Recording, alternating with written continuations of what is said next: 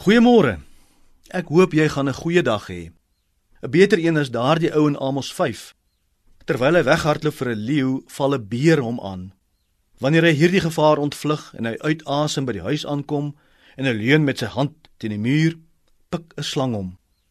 Jou dag behoort daarom beter as dit te verloop. En indien nie, onthou, slegte tye gaan gelukkig verby. Goeie tye gaan ongelukkig ook verby. Dis seker die prys wat ons moet betaal. Maar dis die prys werd om te weet slegte tye hou nie vir altyd aan nie.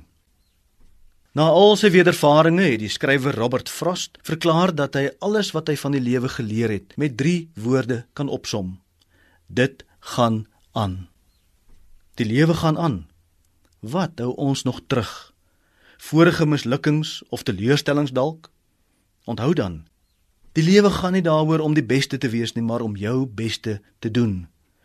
Mislukking bied aan ons die geleentheid om weer te begin, net 'n bietjie wyser.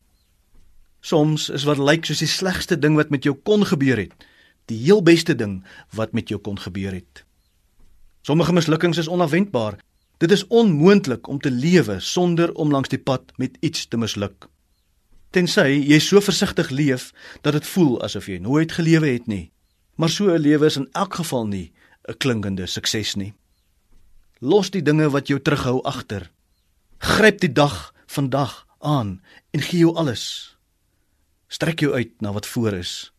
Hierdie is God se dag aan jou geskenk. Kom ons laat dit tel.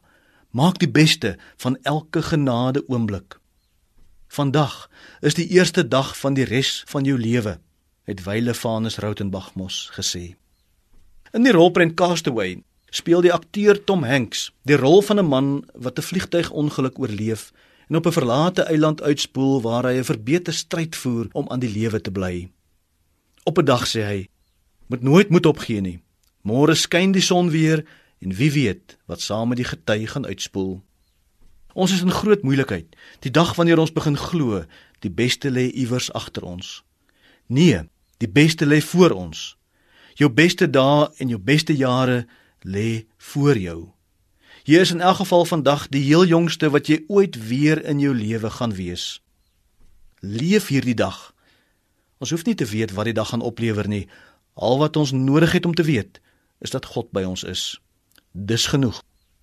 Hemelse Vader, help ons vandag om gereed te wees vir dit wat U vir ons beplan. Amen.